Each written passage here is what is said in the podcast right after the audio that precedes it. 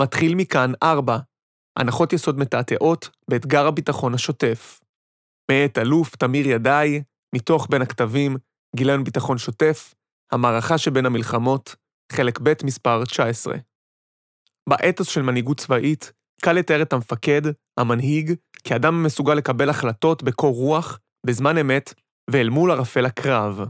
המפקד, עוגן בים הסוער של אי-הוודאות, מפרש את המצב לאשורו ומספק את הפתרון האפקטיבי בזמן הרלוונטי. מעבר לאומץ הלב ולכובד האחריות, אחד האתגרים המשמעותיים במימוש המנהיגות הוא פירוש המצב ומתן משמעות למציאות באופן שהסביבה כולה יכולה להתחבר אליו ולפעול לאורו. ככל שעולים במדרג הפיקוד, בסולם הדרגות והאחריות, הופך אתגר הפרשנות להיות מורכב יותר. כבר לא נדרש רק להורות על ביצוע משימה קונקרטית כתגובה למציאות מוחשית הברורה לכל, אלא לספק הקשר כללי, לארגן את הכוחות ולערוך אותם באופן שהולם את הפרשנות שלנו למציאות ואת המשאבים הקיימים. פירוש המציאות באופן מועיל הוא אתגר המתקיים בכל קשת המבצעים, מהבט"ש ועד למלחמה הכוללת. אבל הדומיננטיות שלו משתנה במצבים שונים. בתורה הצבאית, מבצע בזירה ספציפית ואתגר בט"ש מאוחדים תחת הכותרת מבצע מוגבל. אך בכל הנוגע לפירוש המציאות, מדובר בשני מצבים שונים באופן משמעותי. המלחמה היא בדרך כלל שיאו של תהליך התכוננות רחב, עמוק ומשמעותי, תהליך הכולל תוכנית אופרטיבית, מהלכי אימון ובניין כוח. זאת ועוד, המלחמה, על כל אי-הוודאות הגלומה בה והשינויים העצומים שבין תוכנית לפקודות, מאפשרת בסיכומו של דבר לבחון את האפקטיביות של תהליך ההכנה שקדם לה. לעומת זאת, בהיותו שוטף, מתאפיין הביטחון השוטף בקושי לזהות שינוי והתפתחות על רקע שגרת היום-יום. בבט"ש יש לפרש את המציאות ולהעניק לה משמעות על בסיס יומיומי, בהיעדר האיחוד הברור של תוכנית או של פקודה. אחרת, ניתן יהיה לחשוב שלא קורה דבר. למרות אפרוריות המשימה, בהשוואה לאופן שבו מדמיינים מלחמה, הבנת פשר המתרחש וההתעלות מעל המתמודדות עם השוטף הם אתגרים קריטיים לאפקטיביות של מאמץ הבט"ש. כל סדרת ההבנות הללו לא הייתה זוכה לתשומת ליבי בעוצמה כזו, לולא התנסיתי אני בחוויה של פיקוד על גזרת בט"ש, שנתפסה כרחוקה וכשגרתית, ולולא חוויתי בעצמי את השלכותיה של פרשנות שגויה למציאות. הקרב בציר 12 ליד עין נטפים היווה בעבורנו הזדמנות לברר מחדש את אתגר הפיקוד הבכיר בסביבת הביטחון השוטף. אטען כי באירוע זה נבע חוסר ההצלחה מהנחות יסוד שגויות שלא בוררו בזמן. זהו לקח מערכתי שמהותו נעוצה ביכולת להעמיד מסגרת תאורטית להבנת המציאות היומיומית, ובבחינה של המסגרת הזו מחדש מעת לעת. בשונה מהפקת לקחים טקטיים, שכוחם יפה לסיטואציות דומות אחרות, הלקח המערכתי מחייב את המפקדים להעמיד לעצמם במודע מסגרת הגיונית להבנה ולפעולה, ומערכת שיטתית לאתגור ולעדכון מסגרת זו. מתחיל מכאן 4, רקע על האירוע. באוגוסט 2011, בעת שברחובות התנהלה מחאה חברתית, אירע פיגוע בדרך לאילת, על ציר 12, אי שם בפריפריה, רחוק מאוד מן המרכז הגועש. האירוע כלל תקיפה של כוח מחבלים בסדק מחלקתי, מתחת לעמדה מצרית ולאור יום, ובסופו נמנו שמונה הרוגים לצד הישראלי, שישה מהם אזרחים. המחבלים חוסלו כולם. בבוקר האירוע, שזכה לכינוי מתחיל מכאן 4, נדרשתי להיות בפגישה בתל אביב. אף על פי כן, בהחלטה של רגע, החלטה בלתי מוסברת בזמן אמת, החלטתי להישאר בגזרה. הייתה זו אינטואיציה בריאה, אבל כזו שעדיין לא נסמכה על הבנה מלאה של המציאות במרחב. הקרב של ה-18 באוגוסט 2011 בציר 12, ליד מעבר עין נטפים, היה שונה מכל מה שהכרנו בגזרה זו בעבר. על אף שההתראה המודיעינית הייתה קיימת, ואף הצלחנו לצמצמה לגזרה גיאוגרפית תחומה יחסית, ביום הקרב האמור, שום דבר לא דמה למה שציפינו. במבט לאחור, אני יכול לזהות שלוש הנחות יסוד שקרסו במהלך האירוע, ואשר השפיעו באופן קריטי על ההיערכות המקדימה. ההנחה הראשונה הייתה כי המחבלים שיגיעו למרחב הם מתשתיות הטרור של החמאס בעזה. דפוס הפעילות של מחבלי חמאס שיוצאים לסיני מעזה, ציר החטא בכינוי הצה"לי, היה מוכר ומובן לנו. ההגנה בגזרת עזה הייתה ונותרה חזקה, ותשתיות הטרור העזתיות חיפשו בגבול סיני את הבטן הרכה. הגבול שלנו עם מצרים, טרם הקמת המכשול, שעון חול, נחשב מרחב נוח יותר לפעולה. ההנחה השנייה, שהתבססה על ההנחה הראשונה, הייתה שהמחבלים לא יפעלו בסמוך לכוחות מצריים. הנחנו כי המחבלים לא יפעלו בסמוך לעמדה מצרית, אלא יבחרו נקודה נסתרת, על מנת שלא להסתבך עם השלטון המצרי, שברצונו הטוב הם תלויים בהקשרים אחרים. ההנחה השלישית, שנגזרה אף היא משתי הראשונות, הייתה כי הפיגוע לא התרחש באור יום אלא בלילה, כאשר קל יותר להסתתר ולהפעיל מערב אפקטיבי. זהו דפוס הפעולה הפלסטיני המוכר לנו לאורך שנים. הביטויים פיגוע והתראה לפיגוע כבר מעוררים אצלנו מרחב אסוציאציות של העולם המוכר. פיגוע הוא משהו שעושים ארגוני טרור פלסטינאים, אלה הפועלים בדפוסים המוכרים לנו מ-30 שנות ביטחון שוטף. חוליות מצומצמות של מחבלים הפועלים בדרך כלל בחסות החשיכה וממערב. המילים התקפה או פשיטה, צורות קרב טקטיות שמבטאות שפה צבאית מקצועית ומתארות מפגש בין כוחות צבאיים, עשויות היו להלום טוב יותר את מה שאירע בפועל. שימוש בהן אולי יכול היה לסייע לנו לדמיין טוב יותר את האירוע כפי שהתרחש בדיעבד. אך אלו לא היו מילים השגורות אצלנו. הדמיון שלנו הוגבל במידה משמעותית על ידי אוצר המילים השגור בפינו. ההכנות מבוססות המודיעין, הערכות המצב והיערכות הכוחות לא היו תלושות לחלוטין מהמציאות ומהנתונים. להפך, המודיעין וניתוח הקרקע אפשרו לאוגדה לצמצם את מרחב ההיערכות המקדים של הכוחות למקטע גבול בין 17 קילומטרים בלבד, מתוך גזרה ארוכה בהרבה. האוגדה תגברה את ההגנה בגזרה זו, ובודדה אותה מיתר הגזרות באופן שיכול היה להיחשב כהצלחה, אילולא תוצאות הקרב עצמו. בכל מה שנוגע לכיוון התנועה ולהערכת המרחב, הבסיס העובדתי אפשר לאוגדה להיערך כיאות. באשר לטיב האיום, לאופיו ולעיתויו, מגבלות הדמיון היו דומיננטיות יותר, ואלה אפשרו למחבלים להפתיע את כוחותינו. מתיחה פרדיגמטית והתפתחות מתמטית. מתחיל מכאן 4 הוא השם שניתן לאירוע הנדון במאמר זה. שם שמקורו בהתראה מודיעינית, אחת מיני רבות. מכאן גם המספר בשמו, מספר סידורי בסדרה של התראות מודיעין לגזרה נתונה.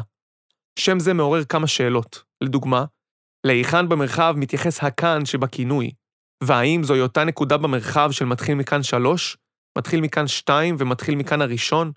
עד שמגיעים למתחיל מכאן 4, הנקודה הכאן נמתחה ונמתחה עד שהגיעה לגזרת אילת, כך שבמבט לאחור, על אף שהנקודה נמתחת עד שמבחינת המרחב היא תופסת כבר את כל השטח שבין המרחב החולות לגזרת אילת, ההתייחסות אליה היא כאל אותה נקודה. פשוט מעדכנים גרסה. כאן, כאן 1, כאן 2, כאן 3 וכאן 4. במתחיל מכאן 4, המרחב היה כבר דאעשי בסיני, ולא מרחב חמאסי בעזה, אך העיסוק המערכתי במרחב המתהווה לא נפתח. התראה היא קונקרטית, נקודתית, מעשית מאוד. אין עניינה בפרשנות מערכתית מחודשת של ההשתנות במרחב. זהו מאפיין ארגוני טיפוסי שלא הומצא בגזרת אילת ולא ייחודי רק לאתגר הבט"ש או למלחמה. נהוג לדבר על מלחמת לבנון הראשונה, שהולידה בתורה את מלחמת לבנון השנייה, ועל האינתיפאדה הראשונה, שהמשכה באינתיפאדה השנייה. זאת ועוד, המשד של המרמרה לא היה הפעם הראשונה שצה"ל התמודד עם אתגר מסוג זה. אירוע המרמרה מכונה רוחות שמיים 7. לפניו היה רוחות שמיים 6, ואחריו, עוד במהלך תחקור אירועי המשט, כבר התמודד צה"ל עם רוחות השמיים 8. במהלך מלחמת לבנון השנייה, הפקודה המטכ"לית שנקראה שינוי כיוון, התעדכנה פעמים רבות. כאשר הגענו לביצוע המהלך המשמעותי במלחמה, הפקודה כונתה כבר שינוי כיוון 11. ויש להניח שחלק מהנחות היסוד שעליהן נשענה הגרסה הראשונה, כבר איבדו מהקשרן בגרסה האחרונה. עדכוני הגרסה הללו, פרקטיקה שכיחה בהקשר הארגון הצה"לי, מבטאים היטב את האופי הסגור של המערכת ואת הקושי לדמיין משהו אחר. הנקודה נשארת, כביכול, אותה נקודה. את המרחב שזז כל הזמן ומתהווה מחדש, אי אפשר לראות ואף אי אפשר לדבר עליו. ארבעה אירועים שונים מתחילים מכאן, וקשה לזהות את המרחב החדש שמתהווה, ובכל זאת, המרחב מתהווה. על אף האמור, עדכון גרסה איננה פעולה בלתי אפקטיבית לכשעצמה. השאלה היא, האם עדכון הגרסה מהווה התפתחות כמותית או התפתחות איכותית? הניתוח המרחבי במתחיל מכאן 4 היה במידה רבה מתיחה של פרדיגמה קיימת. במילים אחרות, הניתוח המרחבי היווה המשך של ההתבססות על אותן הנחות יסוד של אירועים קודמים. התפתחות מתמטית של אירועים שקדמו לו. בהתפתחות מתמטית אפשר להבין את השינוי במונחים של מכפלות. אין הבדל מהותי בין שני החצאים של 8, שניהם שווים 4. מטבע הדברים, העיסוק המבצעי העיקרי שלנו באוגדה היה במיקוד הגיאוגרפי של מרחב הפיגוע הצפוי. מיקוד שהוא מפתח בהיערכות המבצעית, קרי תגבור הכוחות. עם זאת, מיקוד זה טשטש את ההתמקדות, החיונית כשלעצמה, בסוגיית השמיכה המבצעית של כוח ביחס למרחב. את הצורך לדון במהות האירוע עצמו. הדיון במהותו של אירוע קשור לרעיון של התפתחות מתמשכת. בהתפתחות מתמשכת, השעה חמש אחר הצהריים אינה סכום של השעות שחלפו עד לאותו רגע. השעה חמש משקפת משמעות משל עצמה, שעת סיומו של יום עבודה במפעל למשל. על שעה זו אף נכתבו שירים, כמו השיר בביצועה של דולי פרטון, עובדים תשע עד חמש. איך נראה פיגוע? התשובה לשאלה זו הייתה כמעט בגדר המובן מאליו. ההמשגה הזו של המרחב לא אפשרה לגורמי הערכה לדמיין עוצמות שונות של גורמי טרור במרחב. מדוע אנו נמשכים באופן בולט כל כך לדיון של התפתחות מתמטית על פני זה של התפתחות מתמשכת? הקסם הוא על דרך השלילה. ההתפתחות המתמשכת היא תמיד בהקשר ייחודי. מי שמפרש התפתחות כזו, את המציאות שבה היא מתחוללת, חייב לדמיין את ההתפתחות בכל פעם מחדש. היא אינה יציבה, אינה נייחת, ובעצם גם איננה מתקיימת בלי מישהו שידמיין אותה. זוהי אולי הנקודה המאתגרת ביותר. אם המפקד, שאחריותו היא לפרש את המציאות, לא יתבע מעצמו לעשות זאת בכל פעם מחדש, הוא יישאר לחוד בתוך המרחב שאי אפשר לדבר עליו. זה שנמתח מתחת לכאן, כאן אחד, כאן שתיים. וכך עד אין סוף. הרצף המתמטי המשתמע מסדרת ההתראות מתחיל מכאן, 1 עד 4, מצביע על אירועים שהם במהותם עוד מאותו הדבר. זהו סוג ההתפתחות שמקל מאוד על מערכת צבאית את השפה המשותפת, את התרגולות הנדרשות ואת ההיערכות לאירוע, שכן בפן המבצעי, מיקום האירוע ועיתויו, עוברים שינויים קלים בלבד. זוהי מערכת עקבית שנוחה מאוד לתכנון ולהערכת מצב. בסדרה מתמטית גלומה טענה שבסופה ניתן להוסיף משל, מה שצריך להוכיח. בשפה המודיעינית ניתן לומר שבסופו של דבר, לכל טענה יש סימוכין. מבחינה ארגונית, ניתן להבין כיצד ההתפתחות הדומיננטית בבט"ש היא התפתחות מתמטית. הרי המרחב נתון בכל רגע, זמן, והמציאות היומיומית מייצרת סוג של קביעות שמעפילה על היכולת לזהות את הדינמיות שביום-יום. אפשר היה לצפות שבמלחמה, שהיא אירוע שיש בו חד פעמיות מתפרצת, נראה התפתחות מתמשכת והבחנה בין עוצמות משתנות. אי-הוודאות במלחמה אמורה לייצר מציאות שנעה כל הזמן, ואירועים שנובעים זה מזה, אבל מגיעים לגבהים בלתי צפויים. אך כפי שניתן לראות מן הדוגמאות שהבאנו, ניכר כי המאפיין הארגוני של הישאבות למוכר ולידוע חזק יותר מאשר הדינמיות של המציאות, בין בבט"ש ובין במלחמה. דמיון ארגוני לא מפותח. בסיכום התחקיר לאירוע, נעשה שימוש במושג מרחב ההתראה. לאחר שהובן מה קרה ומדוע קרה מה שקרה, השאלה המעניינת לבחינה בתוך אותו מרחב היא מדוע אלו היו הנחות היסוד. מדוע לא עלתה האפשרות הרצינית, דפ"א, כי מדובר בתשתית שמקורה בסיני? מדוע לא דומיינה האפשרות האחרת, שהתממשה לבסוף? השאלה הופכת להיות בעלת עוצמה ומשקל כבדים יותר על רקע ההבנות שהצלחנו לגבש חודשים מוקדם יותר. בתחילת תפקידי כמפקד האוגדה, ערכתי תהליך למידה על מהות האתגרים והמגמות המאפיינים את הגזרה. ניתוח המערכת הרחבה של אוגדה 80 הצביע על מגמת התנקזות של תנועת מהגרי עבודה מאפריקה צפונה דרך סיני. הניתוח הצביע על כך שסיני הוא מרחב בעל משילות רופפת יחסית, שיש בו פוטנציאל להיווצרות מהירה של איומי טרור ג'יהאדיסטים, מקומיים ומיובאים, ג'יהאד עולמי.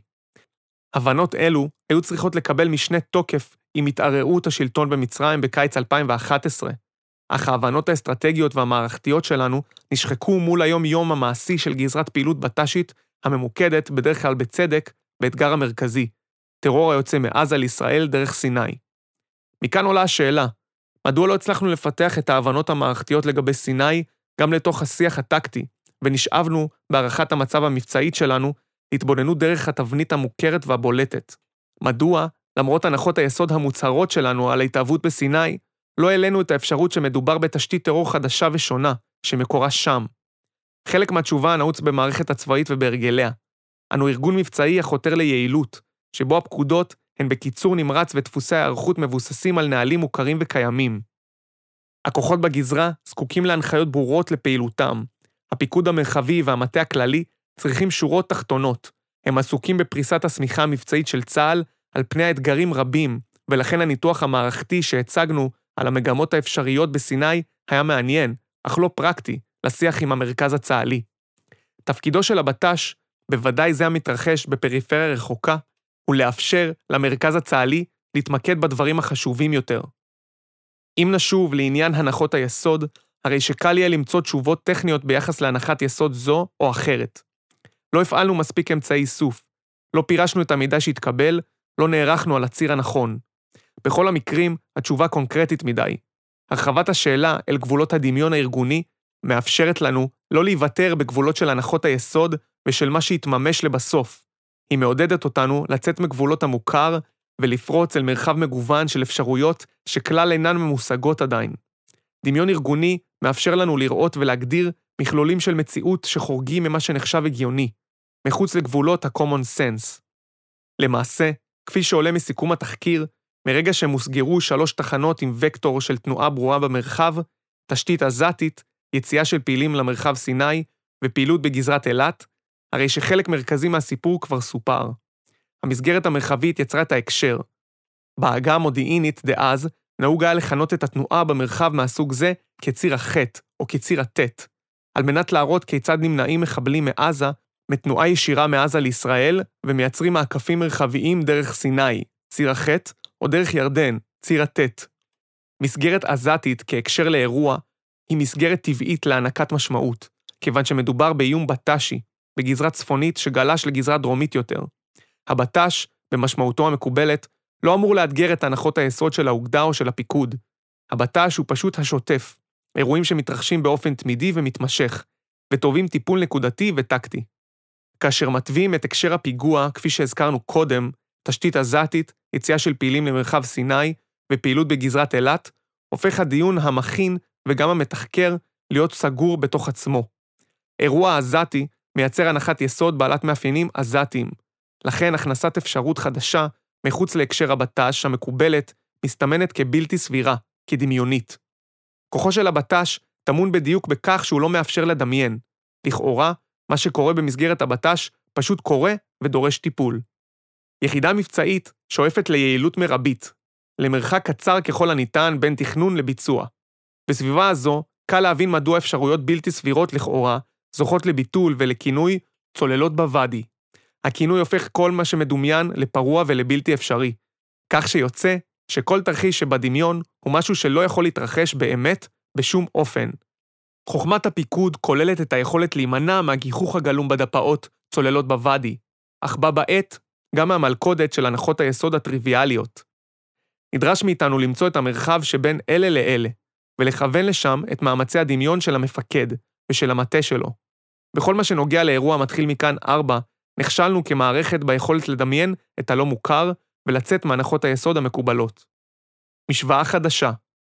במתחיל מכאן 4, צומצמה גזרה של עשרות קילומטרים לכדי 17 קילומטרים בלבד, לכאורה הצלחה, או כמעט הצלחה.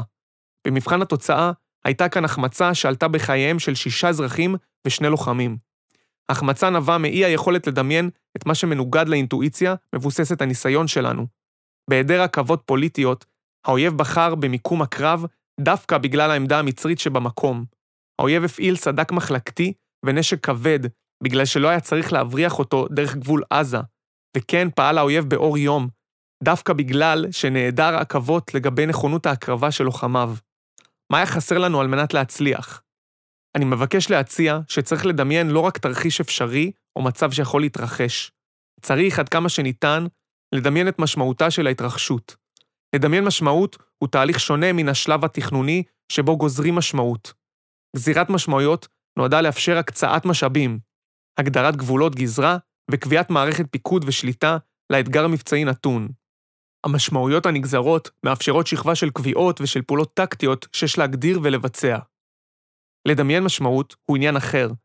כשמדמיינים משמעות, מבינים שלעיתים הסיפור לא מתרכז רק באמצעים או בגזרות, אלא במשמעות חדשה, בתופעות חדשות שנוצרות כתוצאה ממציאות שהתהוותה אחרת, בשעה שאנו היינו עסוקים בלהיות יעילים.